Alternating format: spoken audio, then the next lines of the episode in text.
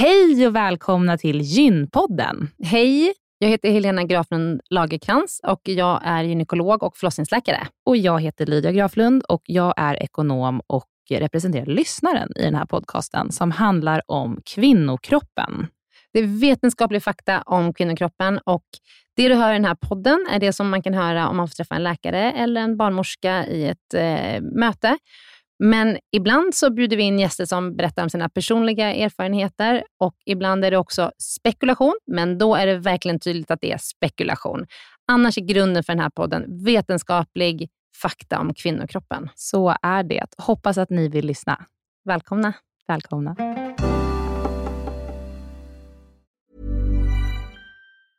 Hey, I'm Ryan Reynolds. Recently, I asked Mint Mobile's legal team if big wireless companies are allowed to raise prices due to inflation. They said yes. And then when I asked if raising prices technically violates those onerous two year contracts, they said, What the f are you talking about, you insane Hollywood ass? So to recap, we're cutting the price of Mint Unlimited from $30 a month to just $15 a month. Give it a try at mintmobile.com slash switch. $45 up front for three months plus taxes and fees. Promo rate for new customers for limited time. Unlimited more than 40 gigabytes per month. Slows. Full terms at mintmobile.com. Den här veckans avsnitt av Gynpodden är sponsrad av Ester Care. Och Helena, det är ju det bolaget, vårdbolaget, som du och jag har varit med och startat, där vi erbjuder digitala vårdmöten med specialister inom kvinnovård. Precis. Och vi vet att det är väldigt mycket vårdpersonal som lyssnar på Gynpodden, vilket vi är jätteglada för. Och vi behöver alltid fler gynekologer till STKR. Så därför vill vi nu göra en shout-out till alla er som lyssnar ute som vill vara med och förändra svensk kvinnovård. Vi söker specialister inom gynekologi, men också ST-läkare som har kommit en bit in i sin ST och som vill arbeta digitalt eh, med handledning på, hos oss på SDKR. Mm. Och precis som det är för våra patienter som kan söka vård hos oss, det vill säga att de kan bo vart som helst i landet eftersom vi är digitala. Om man laddar ner appen och så bokar man ett vårdmöte, så kan ju även läkaren bo vart som helst i landet eller flytta under tiden man jobbar hos oss. Det är ju väldigt, väldigt flexibelt eftersom eh, man jobbar hemifrån. Och Jag tänker att det måste ju också vara helt underbart att som läkare kunna arbeta hemifrån och planera sin egen tid några dagar i veckan. Ja, verkligen. Och samtidigt vara med och förändra kvinnovården med kollegor som är otroligt drivna och engagerade. Det är jätteroligt att jobba på SDKR. Och jag tycker att det här är en häftig grej som vi gör just nu, att vi erbjuder gyn, äh, gynvård i hela landet. Och vilka är de vanligaste patientmötena du tar, Helena? Ja, men det är ju klimakteriet, eh, PMS, eh, mensbesvär. Och det är ju såklart ärenden och eh, diagnoser som går att hantera digitalt. Men vi remitterar också vidare när det behövs mm. Eh, och tar labbprover när det behövs mm. och så vidare. Mm. Så gå in på sdcare.com, klicka på jobba hos oss i menyn för att läsa mer och skicka in en ansökan. Tack så mycket. Tack och välkomna.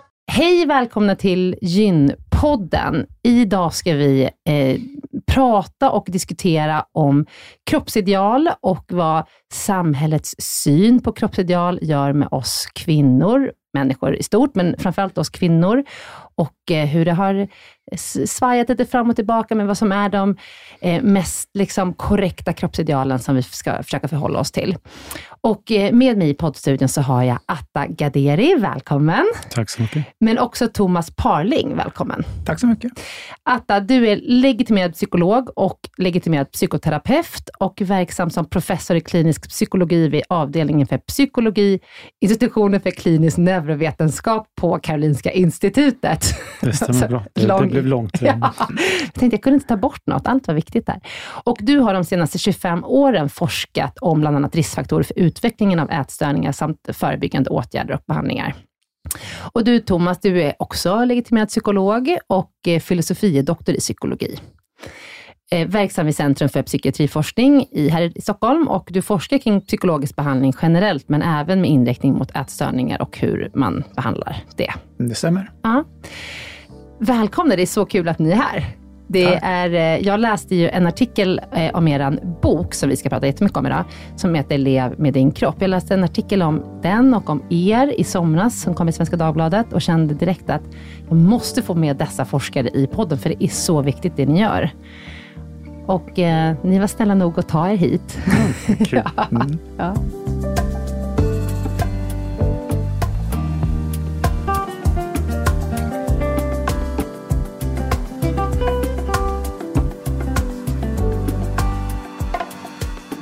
Om man går tillbaka i historien så har ju utseendet alltid varit viktigt, men idealen har varierat över tid. Och idag är idealet smala kvinnor.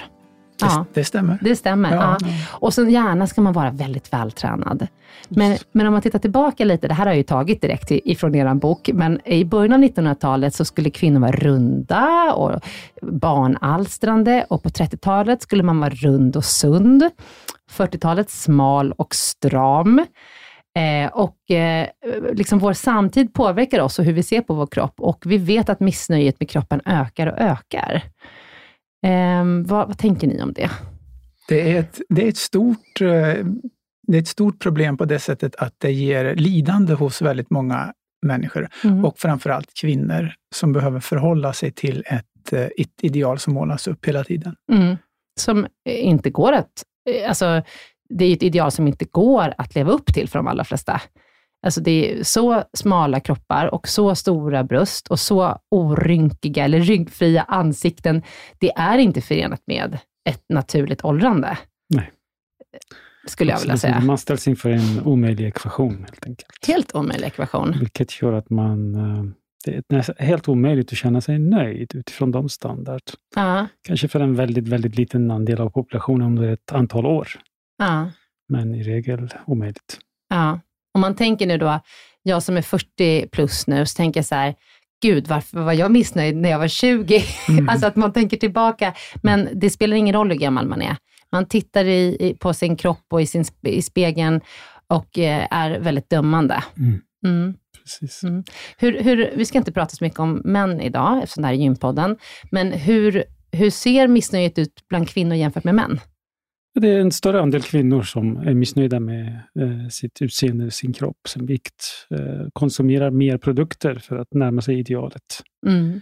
Och eh, Det återspeglar sig i lite starkare utsträckning, i högre utsträckning i självbilden och naturligtvis påverkar det livskvaliteten, livsvalen, möjligheterna att ta sig fram i livet mm. som människa. Mm. Eh, vikt och figur har blivit alldeles, alldeles för central mm. i det hela. Men tycker du att kvinnor står, tillba står tillbaka för liksom andra delar i sitt liv för att man fokuserar mycket på hur man ser ut och vad, liksom, hur kroppen förändras och sådär? Det är lite risk att den, blir, den får lite för central betydelse. Så man, när man försöker på olika sätt titta på självbilden så märker man att utseende-relaterade faktorer får alldeles för stort utrymme. Mm. Eh, och närmar man sig idealet så trivs man lite mera, eller klart mycket mera. Eh, går man upp i vikt känner man sig väldigt, väldigt missnöjd. Mm. Lyckas man banta sig ner till en nivå som man gillar trivs man mera. Och livet är så mycket mer än kropp och liksom utseende och sånt där, men den, den får alldeles för central betydelse. Det påverkar livskvaliteten helt enkelt. Mm. Jag ska säga några siffror här som jag också tagit ur er bok. Eh, då kan man läsa så här att från 1972 till 1996 i USA, kommer de här siffrorna, för det finns mest forskning och studier därifrån förstår jag, så ökade andelen som är missnöjda med sin kropp bland män från 15 till 43 procent och bland kvinnor från 23 till 56 procent. Eh, och studierna i Sverige är färre, men de visar på samma resultat. Så mer än hälften av kvinnorna är missnöjda med sina kroppar.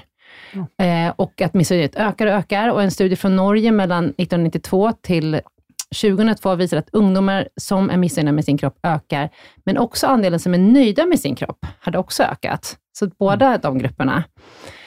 Och sen visar det då att kvinnor är mer missnöjda än män. Och det saknas data kring personer med andra kroppsidentiteter tyvärr. Men en sak som jag tyckte var intressant var också att antalet kirurgiska ingrepp ökar. Inte bara antalet genomförda ingrepp, utan också antalet olika ingrepp som finns att göra. Och i Sverige, och i Sverige följer samma trend som i USA. Och i en SIFO-undersökning från 2004 visar att ungefär var tionde svensk var beredd att förbättra sitt utseende på kirurgisk väg, vilket var en fördubbling mot året innan bara. Mm. Ja, Eh, och så läser man er bok eh, som heter då Lev med din kropp och då blir det alltså uppenbart liksom varför ni har skrivit den. Men kan ni berätta för de som inte har läst den, varför har ni skrivit den här boken? Ja, det var ju en... Eh, det var faktiskt... Vi fick möjlighet att skriva en annan bok före Eh, men då började vi prata om att den, den, den, här gruppen människor som liksom ingen riktigt har skrivit till förut, åtminstone inte på svenska, att vi behövde komma ut med någonting som kan vara hjälpsamt för den gruppen, det vill säga de som är missnöjda med sin kropp och sitt utseende, utan att man för den skulle ha en psykiatrisk diagnos. Så den stora gruppen ville vi på något vis guida till att kunna ha ett mer fullvärdigt liv. Mm. Berätta mera, liksom. vad, vad, vad får man ut av att läsa boken? Ja, hoppas att man får ut ett, att, dels att man får lära sig någonting nytt om sig själv och hur man ska se på, eller hur man kan se på sig själv och hur man kan se på omvärlden och de här budskapen som eh, finns i överflöd kring oss. Och att sen fokusera om och om igen på att ta de steg som man vill göra och som är värdefullt för en själv i sitt eget liv. Och inte försöka att nå idealen. För ofta så leder det till ännu mer missnöje. Mm. Om man lägger mer, ner, mer energi, mer tid åt en kamp som för de allra flesta inte går, man, man når inte dit man vill. Nej, men så, så jag tänker så här, en, en kvinna som kanske har eh, ammat och så när brösten inte alls samma form som tidigare och så, så genomför man till exempel ett kirurgiskt ingrepp. Då menar du att då mm, hittar man andra saker som inte är perfekta, eller når man liksom inte dit man vill? Det, det, kan ju vara så, i, i vissa individuella fall så kan det vara att man blir nöjd och tillfreds med det och tar sig an livet på ett annat sätt efter det. Men för många så återstår andra saker som man tänker att men jag kanske borde fixa till det där också. Jag kanske borde träna mer för att få en förändring när det gäller den här saken eller att äta på ett annat sätt. Mm. Och det som händer är att man riktar ju in fokus då, mycket tid och energi som går åt till att vara i, i den typen av förändring hela tiden. Vilket gör att man också missar andra saker i livet. Vad missar man? Relationer, eh, utveckling av sig själv som människa, som man kanske också samtidigt vill utveckla sig själv inom sitt arbete, inom fritidsintressen och ja, kanske det viktigaste av allt, i relationer. Mm. Mm. Ja, för till syvende och sist när det kommer till det som betyder mest för folk, när man frågar också folk som har varit sjuka eh, tappar sin hälsa, vet att de kommer att dö. Liksom när de reflekterar tillbaks, det som alltid kommer tillbaka är det här med relationer. Så mm. får jag en chans till, vad är det du gör och vad du satsar på? Ja, då är mm. det relationer som är väldigt ja. viktiga. Mm. Och människan är en produkt av sin samtid. Mm. Och eh, automatiskt försöker vi anpassa oss och finna oss i det som de flesta andra gör. Och tanken med boken var att presentera ett alternativt perspektiv. Att ibland kanske lösningen finns i att gå lite annorlunda. Ibland är lösningen att inte kämpa mer, utan sluta kämpa och fokusera på andra saker som egentligen till syvende och sist betyder mycket mer än att ha en eh, attraktiv kropp. Mm. Och sen Men, lever mm. man på ett sätt som gör att man också egentligen pratar om det här och eh, spär på helt enkelt. Är jag själv upptagen av att ha en viss kropp och se ut på ett visst sätt och sånt där, då kommer jag att engagera mig i saker och ting och vara en led i maskineriet som bidrar till att det här vidmakthålls i samhället. Men om man är överviktig och tänker så här att eh, jag vill gå ner i vikt, både för att jag är missnöjd, men också för att det är dåligt för min hälsa. Mm. Är inte det ett argument då, att man ändå ska liksom in i det där tänket, eller? Definitivt är det det. Och det är inte så att vi menar att det är inga förändringar som behövs, eller att man ska helt och hållet strunta i hur man ser ut. Och det är inte sant. Det, det är inte realistiskt. Eh, när det kommer till övervikt vet vi att eh, beteendeinriktade strategier funkar inte på sikt, tyvärr. Vi är duktiga på att hjälpa folk att gå ner i vikt, men sen kan vi inte alls hjälpa dem att bibehålla vikten över tid. Så att när man har gått ner i vikt, oftast över tid, inom 18 till 36 månader brukar man gå tillbaka till sin ursprungsvikt. Det är en väldigt liten minoritet som lyckas verkligen minska, gå ner i vikt och behålla det. Och om vi pratar om eh, obesitas, det som egentligen funkar just nu på sikt är ju obesitaskirurgi, men den har också sina nackdelar och problem. Eh, så det här med att reglera vikten för hälsans skull, det är en sak. Att försöka gå ner och reglera vikten för att man ska se ut på ett visst sätt gör att man samtidigt tappar det som finns här och nu i livet. Mm. Den kvalitet man kan ha. Och, och, om vi tänker på folk som har trevligt att träffas och har en eh, kvalitet i livet, då är det inte bara smala människor som är vältränade, eh, utan det finns en stor variation. Men när man själv sitter med missnöjet, då, då tappar man bort det perspektivet och tänker att först måste jag fixa liksom, hur jag ser ut, hur mycket jag väger, mm. innan jag kan leva ett riktigt bra liv och göra de sakerna jag vill. Mm. Eller utbilda mig till det och det, eller söka det jobbet. För att man, man känner också av naturligtvis stigma som finns i samhället, mm. speciellt när man har övervikt eller fetma. Eh, och de är, de, är, de är reella, de är faktiska. Och att ändra sig själv är inte alltid vägen. Eh, det kan finnas andra vägar, samtidigt som man jobbar på att långsiktigt försöka också göra realistiska förändringar. Mm.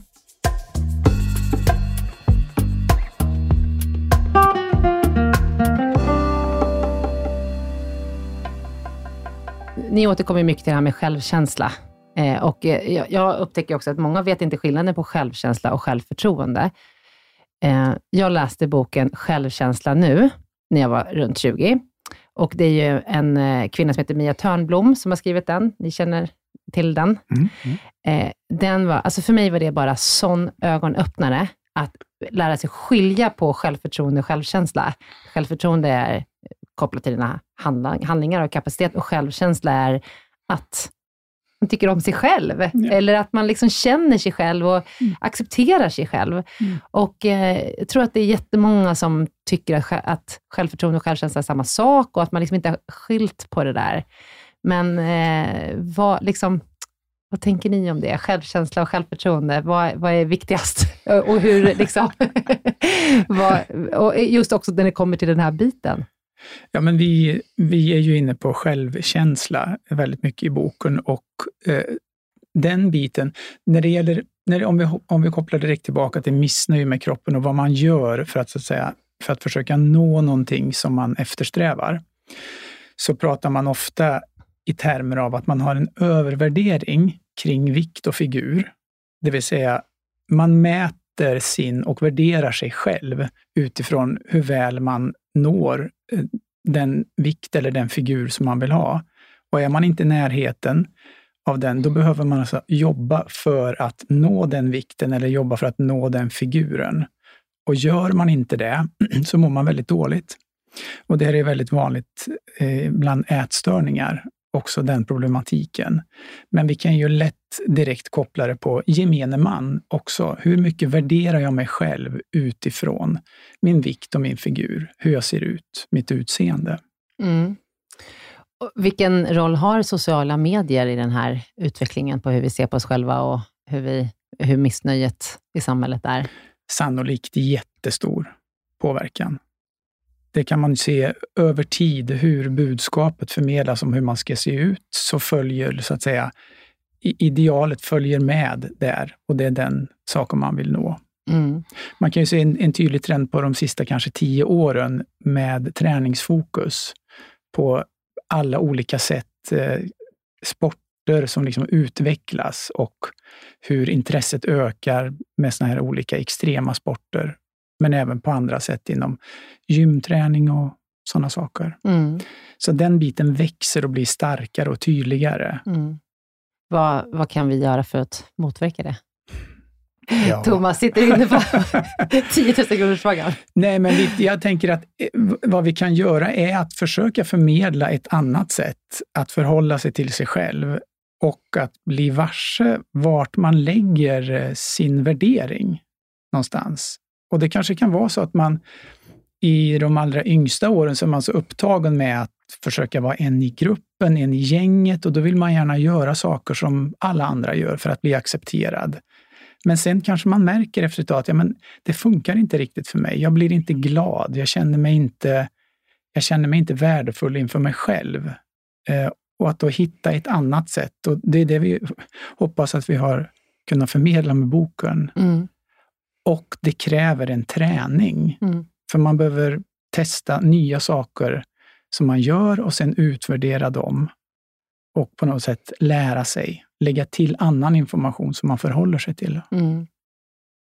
När man är i den här känsliga åldern, eh, som många ungdomar som hänger mycket på sociala medier, nu hänger ju alla mycket på sociala medier, men också ungdomar, så tänker jag så att de blir ju verkligen matade, alltså det blir inga pauser. Man blir ju matad hela, hela, hela tiden med det här. Jag kommer ihåg när jag var 14 år, så var jag på semester med mina föräldrar, eller med vår familj, så hittade jag en L-tidning. Och där är, den är full med liksom, eh, långa, smala kvinnor, smala mm. ben. Och jag, jag kommer jag kom ihåg, fortfarande nu, liksom, så här många år efteråt, kan jag komma ihåg det där självföraktet som jag kände när jag såg de här kvinnorna i L och när jag tittade på mig själv. Jag var 14 år och jätte, helt normal. Mm. Och sen kunde jag liksom lägga undan den där tidningen och så var det inget mer med det. Nu träffas, alltså våra flickor och pojkar, de stöter på det här hundra gånger per dag. Mm. Kommer aldrig ifrån det. Mm. Nej, precis. Exponeringen är helt fruktansvärt jämfört med bara några år sedan. Så att det, det är ständigt närvarande. Och. Det är väldigt svårt också som förälder att försöka bringa någon form av ordning i det. Att bara uppmana dem till att ha ett kritiskt perspektiv, att diskutera och resonera. Hjälpa dem kunna skilja mellan vad är realistiskt, vad är det här budskapet, var, var står jag någonstans? Mm. Särskilt när man är ung och man, man har inte så många väldigt tydliga utvecklade kvaliteter. Liksom. Man, man har inte hunnit med så mycket i livet. Nej.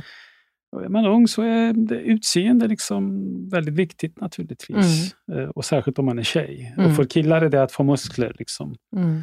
Eh, bli stora så snabbt som möjligt och liksom få de attributen. Och för tjejerna är det att passa in i idealet.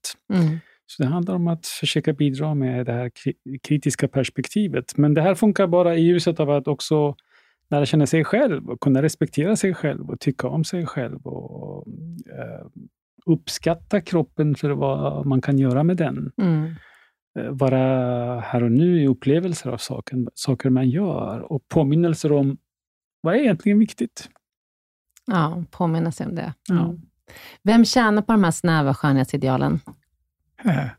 Ja, det är ju... Ni nu då, som har skrivit en bok. ja, precis. ja, vi, vi, kanske skulle kunna vara mer framgångsrika i att tjäna mer på det, men att ge ut en bok, det är ju en, det är ju en fin sak eh, att få möjlighet att göra det. Eh, och om man ser det i ljuset av all annan liksom, teknologi som finns för alla andra produkter, eh, som ju också drivs av ja, men, privata företag, organisationer och sånt. Där står vi oss ju ganska slätt. Mm. Men det är ju såklart eh, marknadsföring av olika produkter eh, genom att det finns influencers till exempel. Så att eh, både företag och personer som marknadsför åt de här företagen tjänar ju på det. Att mm. hålla liv i det så att säga. Mm. Och många andra företag kommer in. Jag menar, tittar man på TikTok-flödet, alla möjliga företag använder det faktum att många sitter och tittar. Mm. Och beroende på liksom vad det är för uh, saker de tittar på så lägger man in adekvata reklam eller en reklam som ligger kanske nära för att kunna locka dem att köpa produkter. Det behöver inte handla om vikt och figur heller. Nej. Men uh, i ett flöde som handlar om skönhet och träning och sånt där så kan det komma reklam för precis vad som helst. Allt från proteiner och träningskort till saker som inte har att göra överhuvudtaget med det. Mm. Så det finns ju väldigt stora pengar. Mm. Uh, Men våra största influencers är ju smala. Alltså sma, smala mm, kvinnor. Mm. mm. Så det, det, är ju det som går, liksom. eller det är det som blir mest populärt. Ja. Ja, just nu är det så. Det är en sån tid. Mm. Går vi hundra år bakåt var det inte kanske riktigt på samma sätt. Men Nej. just nu är det den tiden. Och det finns ju en massa historiska förklaringar varför modeindustrin har utvecklats åt det här hållet, vilka influenser har funnits. Men uh, den, de, de förklaringarna oftast hjälper inte så jättemycket till uh, åtgärder, till förhållningssätt. Mm. Utan frågan är, hur gör vi då? Industrin ser ut på det här sättet, modebranschen ser ut på det här sättet att medvetandegöra, att aktivt få folk att börja uppskatta och värdesätta andra saker kanske kan vara en, en motrörelse. Mm. Men hur blir vi då fria från vårt missnöje? Ja, jag tänker att man kanske inte kan, man kanske inte ska rikta in sig på att bli fri från sitt missnöje, utan snarare rikta in sig på vad vill jag att mitt liv ska handla om? Eh, så tror jag att det kommer att hända någonting med missnöjet. Att det, blir, det, då kanske man behöver ställa frågan på ett annat sätt. Eh, om, man, om man börjar fokusera på sånt som är värdefullt för en själv, så kanske frågan istället blir, hur kunde jag lägga så stor vikt vid hur jag ser ut? Tänker jag. Och det mm. är en av sakerna som vi försöker på något vis adressera och hjälpa läsaren att omformulera. Mm. För att gå i kamp med vikt och figur i ett försök att minska missnöjet, då är du fortfarande på samma plats och mm. håller på med missnöjet. Så vi vill hellre försöka lägga om fokus. Skifta fokus. Ja. Mm. Just det. Och eh, vad, vad, ni pratar om ACT i boken. Vad är det för något? Ja, det var en terapiform som kom i slutet på 80-talet och 90-talet så blev den, växte den sig större. Så Acceptance and Commitment Therapy, som hade väldigt mycket inslag av saker som till exempel livsvärderingar, någon typ av kan säga, meningsbärande inslag i livet, att man skulle gå efter det. De hade också med saker som acceptans. Vad innebär det egentligen? Eh, och det innebär ju då till exempel inte att bara rätt och slätt acceptera hur man ser ut, för det är, liksom, det är den svåra biten att göra det på det sättet. Snarare att kunna ha till exempel ett missnöje och bestämma sig för att nu ska jag fokusera på det här, samtidigt som jag har en tanke om att jag är missnöjd, eller till och med kanske en känsla av att jag inte trivs i och med min kropp. Så att hjälpa en person att kunna bära det man har, utan att lägga ner fokus på att försöka förändra det.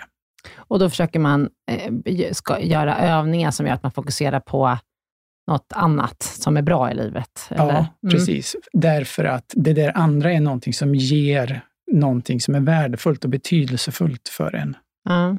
Istället. Men inte att förringa missnöjet, utan bara att lära sig att okej, okay, jag har det här. Det här är jobbiga tankar och jobbiga känslor som jag har. Och jag väljer att fokusera på någonting som är viktigt för mig. Mm. Men inte att försöka skjuta bort det eller trycka bort det. Nej, okej. Okay.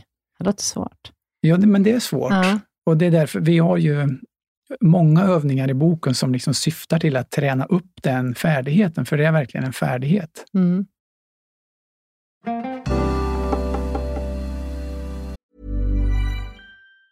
There's never been a faster or easier way to start your weight loss journey than with PlushCare. PlushCare accepts most insurance plans and gives you online access to board-certified physicians who can prescribe FDA-approved weight loss medications like Wigovi and Zepbound for those who qualify. Take charge of your health and speak with a board-certified physician about a weight loss plan that's right for you. Get started today at plushcare.com slash weight loss. That's plushcare.com slash weight loss. plushcare.com slash weight loss. Life is full of awesome what-ifs and some not so much, like unexpected medical costs. That's why United Healthcare provides Health Protector Guard fixed indemnity insurance plans to supplement your primary plan and help manage out-of-pocket costs. Learn more at uh1.com. Veckans avsnitt av Gynpodden är sponsrat av mittpreventivmedel.se som är en informationssida från Bayer. Mm. Jättebra informationssida. Eh, den, den är full av information och material för att du på bästa sätt ska kunna välja vilken preventivmedelsmetod som passar dig allra, allra bäst. Mm. Och Det vi tänkte prata om idag det är att det finns något som heter samtalsguide mm. på den här sidan. Mm. Och Det är ett formulär där man har, får en massa frågor, till exempel så här, att komma ihåg att ta med preventivmedel dagligen är inget problem för mig, eller ibland svårt, mm. eller inte min grej. Mm. Eller um, om jag blev gravid nu och så vidare. Liksom. Så att man får kryssa i en massa frågor och ta ställning och fundera innan mm. du träffar din gynekolog eller barnmorska, så att du liksom verkligen får med alla frågor som är viktiga för dig i det där mötet. Ja. Så man kan fylla i den på den här hemsidan, så kan man skriva ut den här blanketten och ta med den. Ja. Jag skulle säga att, att det verkar som att det är framförallt fyra kategorier som mm. är väldigt viktiga. Och sen, mm. så, sen så spelar det ju in vad du har tagit innan och hur det har funkat för dig och, mm. så och din historik. Men det verkar ju som att det handlar mycket om hur liksom ordningsam man är, eller hur strukturerad man är, att kunna ta någonting dagligen. Mm. Eh, hur viktigt det är att man inte blir gravid. Eh, användning av hormonella preventivmedel eh, och om man vill påverka sin menstruation på något sätt. Mm. Så det verkar som att det är de fyra kategorierna som man, man bör fundera på innan mm. man väljer ett preventivmedel. Man får bra guidning i hur man ska svara på de här, eh, med olika kategorier och olika svar.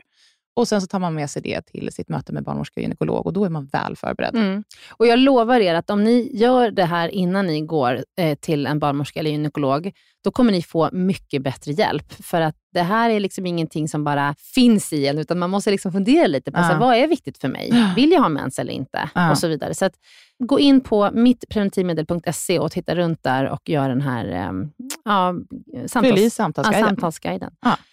Tack Bayer för att ni har utvecklat denna braiga sida om Ja, preventivmedel. Den är otroligt bra. Mm. Tack så jättemycket. Tack. Men, men ni som har träffat jättemånga patienter, hur, hur, vad händer när man på något sätt skiftar fokus? Livskvaliteten förbättras framför allt. Och man, eh, vi är vanvarelser, så att Mm. när vi väl kommer in i, i en annan ström, i en annan riktning, och vi börjar trivas och njuta, så etablerar det sig också. Så vi får mera fokus på att eh, använda vår tid till saker som vi har bestämt oss är värdefulla. Om jag, om, om jag kommer fram till att det är viktigt för mig att tillbringa tid med min familj exempelvis, också min grundfamilj, exempelvis syskon och föräldrar. Om det är viktigt för mig att ha en fritid som jag tycker är värdefullt, eller om jag vill engagera mig i samhällsfrågor etc. etc. Eller spiritualitet är viktigt för mig. Och så börjar, börjar jag jobba med det här, jag börjar lägga ner tid på det där. Då ändras egentligen väldigt mycket innehåll i livet. Och vi gör inte allt det där för att fly från missnöjet, eller för att minska missnöjet. För att så fort vi gör det, då är vi kvar där i missnöjesfrågan. Då har vi inte byggt upp kvalitet i livet. Så vi brukar säga att istället för att sänka dysfunktion kan vi öka funktion. Mm. Istället för att hela tiden ska försöka minska någonting som vi inte vill ha. Vi kan öka förekomst och kvalitet på saker som vi vill ha. Så vardagarna fylls med sånt som man tycker om, sånt som betyder någonting. Och det skapar en, en kvalitativ skifte i ens liv. Mm. Det är där man börjar tänka, oj då, hur, att jag la ner så mycket tid på det där. Liksom. Mm. Eh, men sen kan man fortfarande gå omkring och tycka att okej, jag har ingen liksom, snygg figur.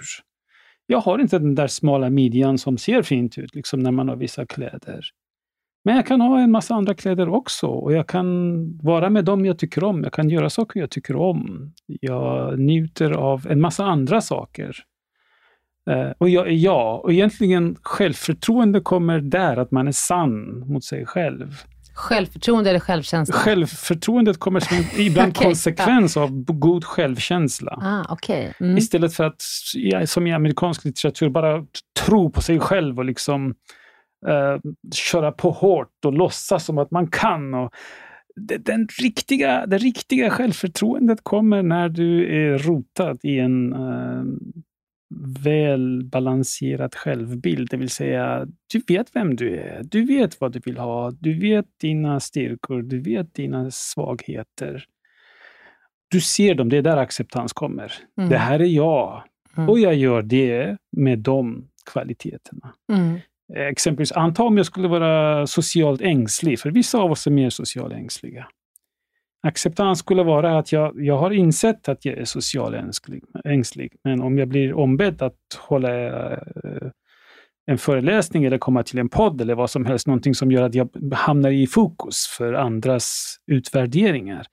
Jag gör det och samtidigt kan jag tänka att okej, okay, det här är lite jobbigt. Eh, samtidigt tycker jag att det här är viktigt, jag vill göra det här. Och med tiden när man gör det där, då är man mer i livet. Och inte så mycket kring det här med att okej, jag är ängslig. Ja, för den kan ju poppa upp när som helst. Och den får vara där. Mm. Men ibland avtar det eller minskar också kraftigt och försvinner. Mm. Men man låter inte den där eh, ängsligheten begränsa Nej. ens liv. Precis, och det är Mm. det vi tycker är väldigt centralt. Att Mm. Om jag är missnöjd med min kropp ska jag inte hindra mig från att leva. Det är därför titeln är Lev med din kropp. För Mm. om du lever med din kropp som du har så kommer du att en lite annorlunda känsla för din kropp. Mm. Om jag fokuserar... Även det, vi, vi, vi går omkring och pratar med oss själva hela tiden. Så om vi börjar göra annorlunda börjar vårt inre prat ändras också.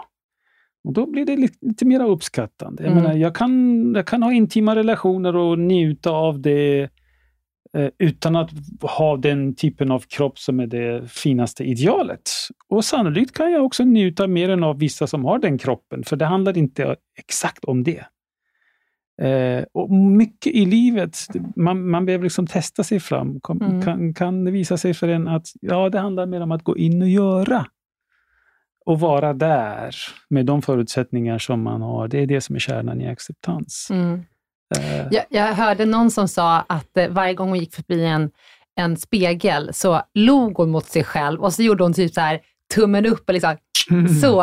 Eh, Och hon sa att det, det var, istället för att varje gång jag gick förbi en spegel så tittade jag på så bara åh, och så fick jag liksom så här, den här bilden tillbaka i spegeln, att hon Mm. fick liksom det här missnöjet. Så liksom log hon, hon så här, och, och, jag kommer inte ens ihåg vem det här var, jag bara läste tänkte så här, att det funkar ju ibland när jag har dåliga Ja. dagar, så då gör jag så här, till mig själv i spegeln och det, det funkar. Det är ju kortsiktigt, men det funkar. Men det, ju, det där är ju, jag tänker med tanke på att prata om sig själv, att man kan ju antingen kan man gå och bara hacka på sig själv, Mm. eller så kan man vara så här, okej, det här var inte världens bästa dag, men du, du är bra ändå. Jag tycker Ja. om dig ändå. ja. Och det, Alltså, till sig själv. Där finns det en väldigt viktig distinktion och det är det att allt man gör, alla sådana övningar, om det ska syfta till att minska missnöjet, då är det inte riktigt sant. Nej, Då är man inte där. nej.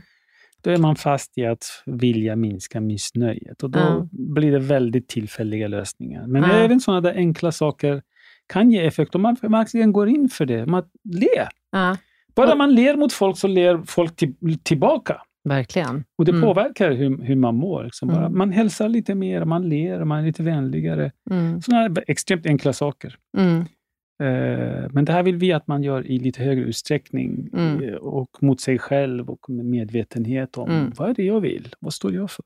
Ja, det kanske inte räcker med att le mot sig själv i spegeln, men jag bara tänkte som ett exempel, det är i varje fall ingen dum idé. Nej, absolut inte. Det, Absolut. det, som, det som är väl ändå det viktigaste är att såna där eh, liksom lite, lite enklare och, och eh, checka tips. Mm. Eh, Det kan ju vara så att det funkar för någon individ, så pröva då det. Mm. Men lägg märke till att om det inte funkar för dig så kanske inte det var lösningen för just dig. Nej. För det har en annan, så att säga, en annan funktion för Mm. just den personen. Mm. Just det.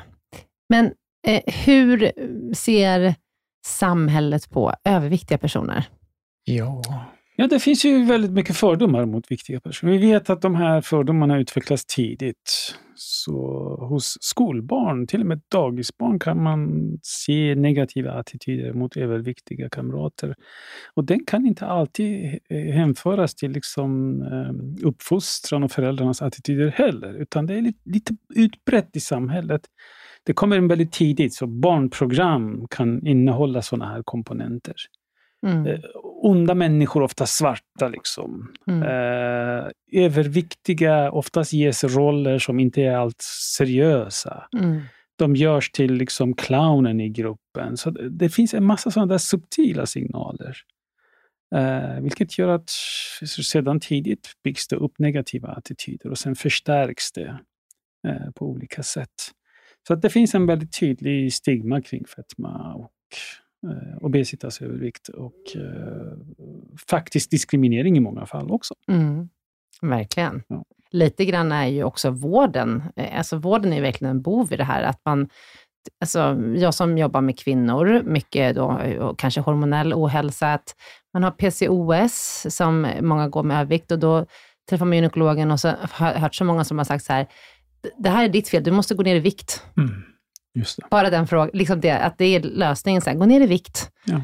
Eh, och det vet vi ju, att Mm. det inte är så lätt. Mm. Eh, men uh, ungefär som att, det, att man har valt Ja. att vara överviktig. Men eh, vad, ja, vad ska man göra åt det?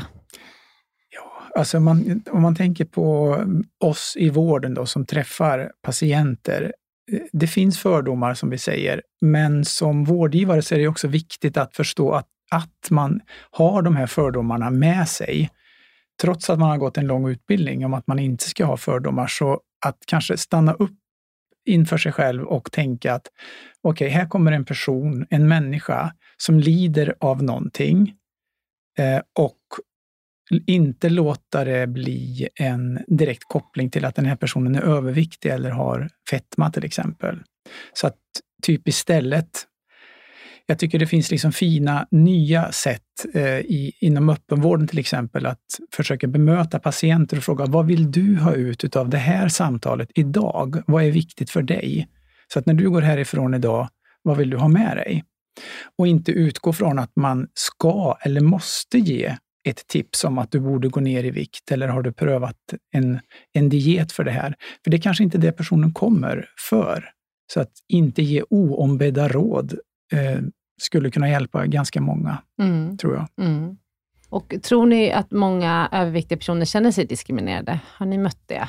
Ja. ja. Okej. Okay. Mm. På vilket sätt då? Får man sämre vård? Ja, grejen är att vården har ingen effektiv behandling för övervikt och fetma förutom kirurgi. Och kirurgi har ju sina också nackdelar och svårigheter. Alla kan inte få kirurgi heller.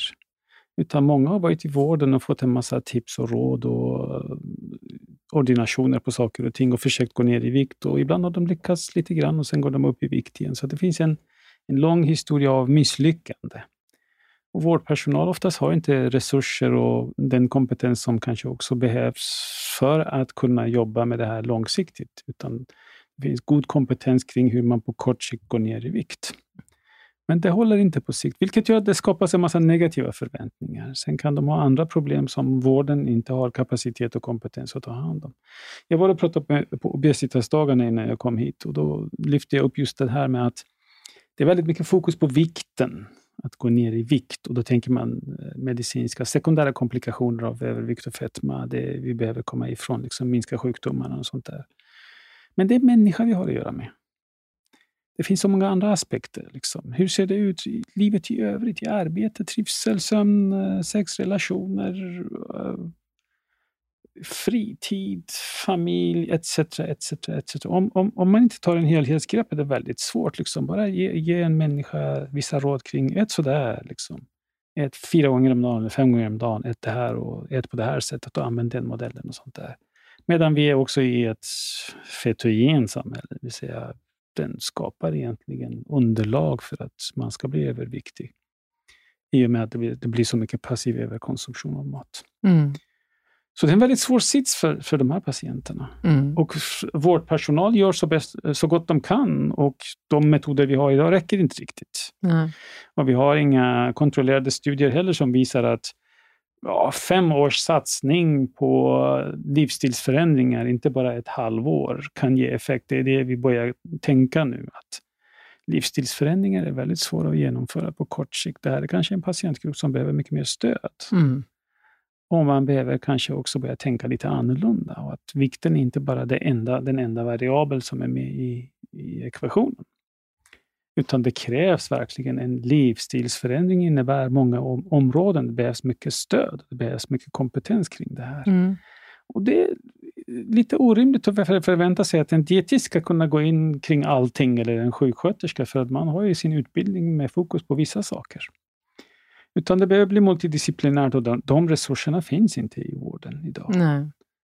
Eh. Men med det sagt, är alla överviktiga människor missnöjda med sin kropp? Nej, inte alla. Så att det, det finns väldigt mycket att jobba med det psyk, psykologiska där. Ja, ja. precis. Vi, vi pratar ju, alltså det är också en sån här grej med vården, vi pratar ju så himla mycket om blodtrycket, typ 2-diabetes. Mm. Liksom, och absolut, det är viktigt, men mm. det här som ni är inne på, det är ju livskvalitet som vi är ute efter. Alltså att man inte bara stirrar sig blind på ett blodtryck, mm. eller ett BMI, utan mm. så här, nu var det precis det du sa, att, men, hur, hur mår den här personen och vad har mm. den här personen för kvalitet i livet? Liksom? Mm. Och att man, inte, att man verkligen sätter in resurser på det, skulle man vilja. Mm.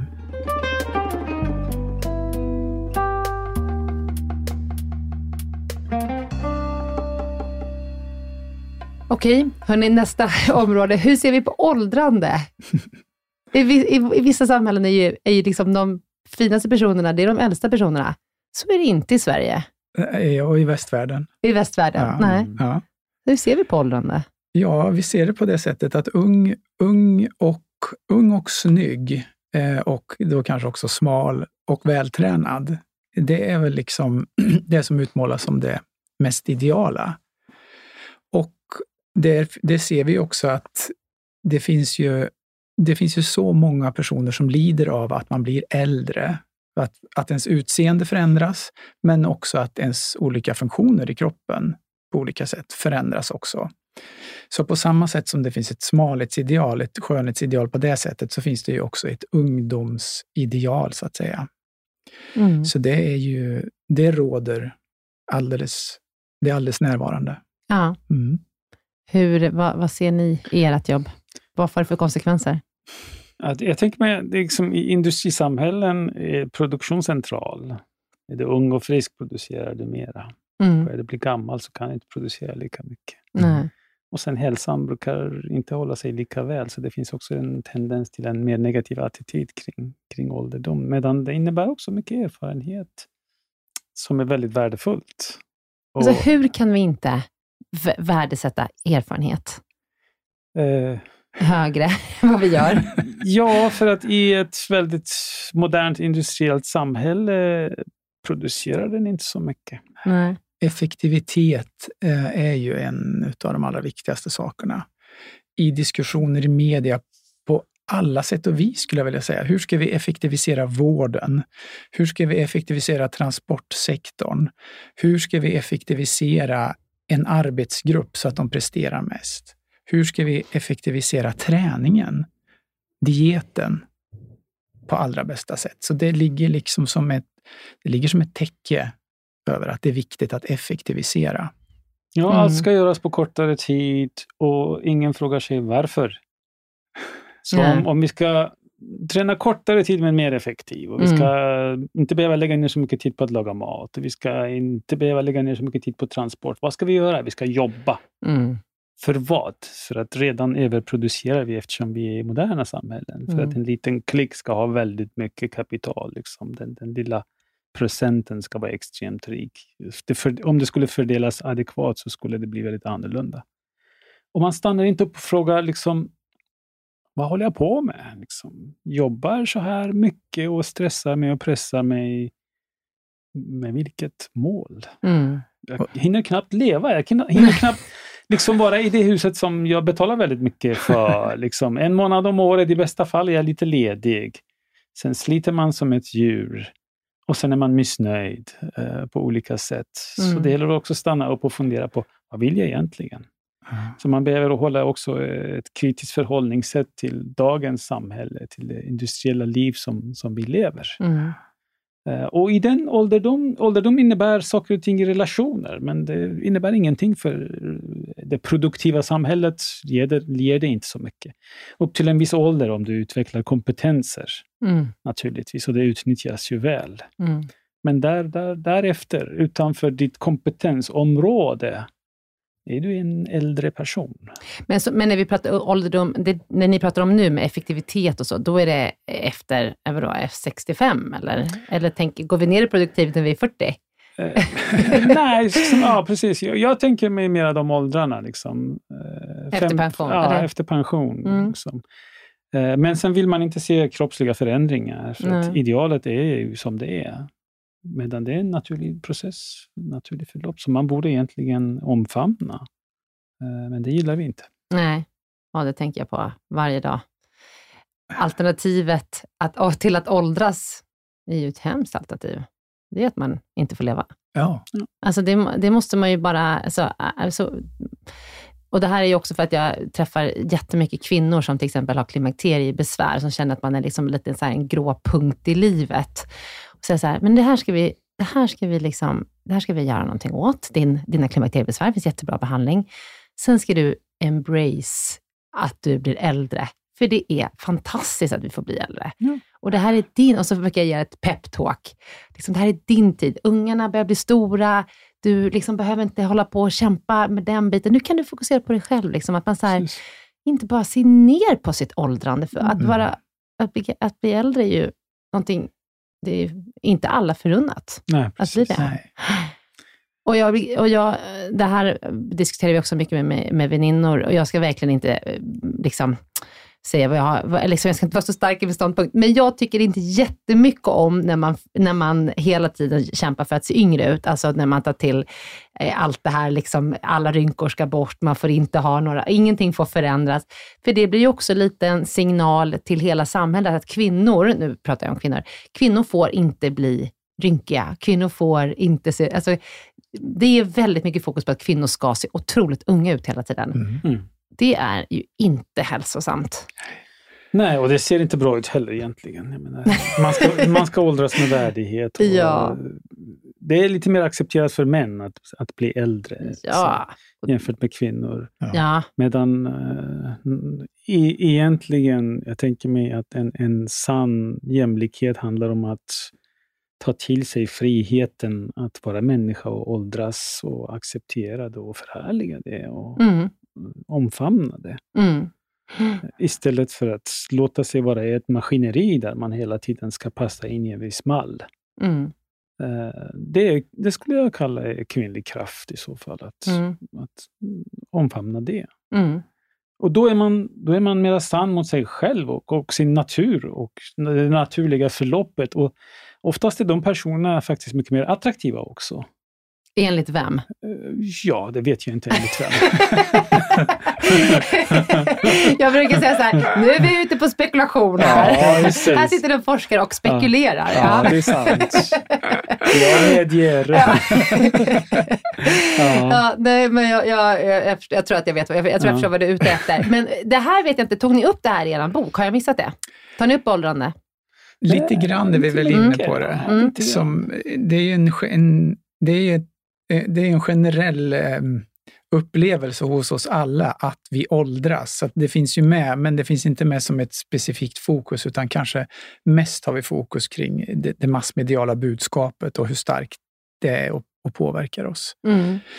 Men ehm, det heter väl ageism på engelska, va? Och jag Mm. menar, det är ju på samma sätt som man kan tänka att eh, smalhetsidealet och träningsidealet, att det finns så starkt i kulturen, så finns ju också den här åldersismen i, också i kulturen. Och om man vill liksom på något vis uppmärksamma, vad håller jag på med när det gäller den aspekten? Är det någonting som för mig framåt och får mig att må bra? Eller är det dags att ta en funderare på, undra vad jag håller på med när det gäller det där? Hur, hur många saker försöker jag liksom försöka uppfylla för att liksom passa in och kanske se yngre ut och så vidare? Mm. Om, det, om det inte leder en framåt, så att säga. Mm. Mm.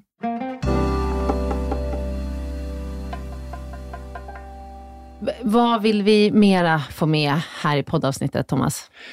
Jag tänker att vi behöver lyfta upp och prata om att det här inte är en quick fix.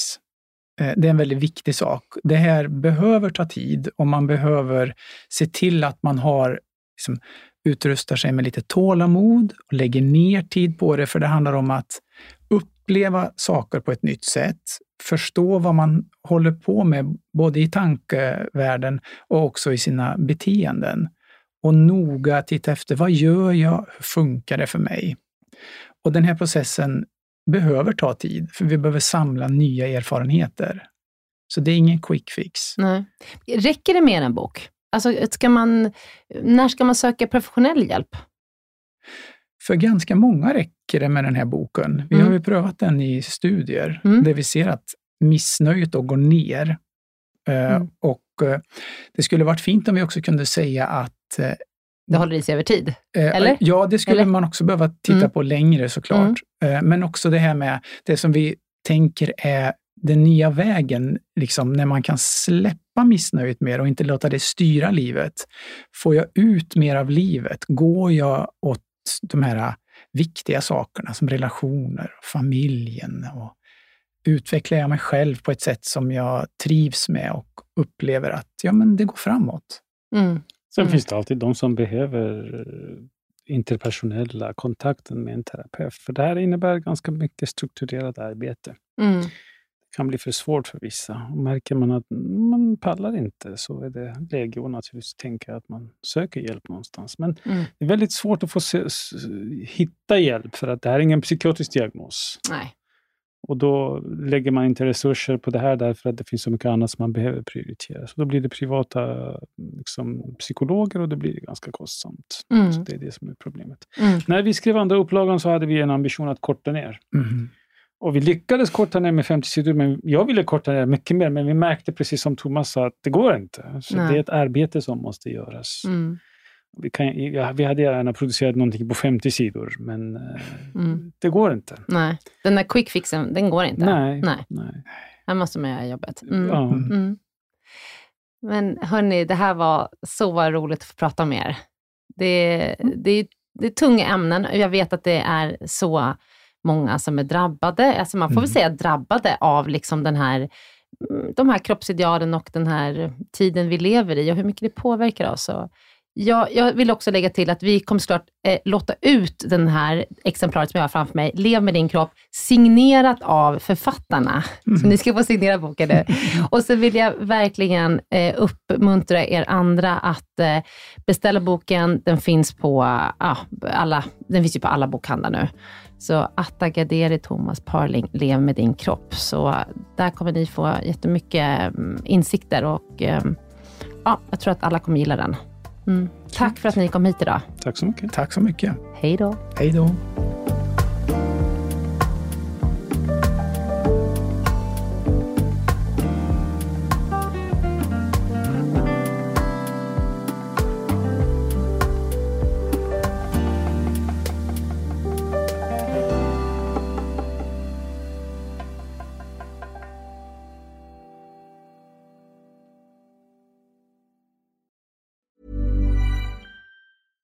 Hey, it's Paige DeSorbo from Giggly Squad. High quality fashion without the price tag. Say hello to Quince.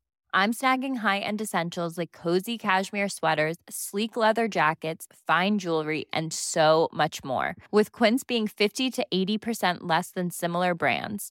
And they partner with factories that prioritize safe, ethical, and responsible manufacturing. I love that. Luxury quality within reach. Go to quince.com slash style to get free shipping and 365 day returns on your next order.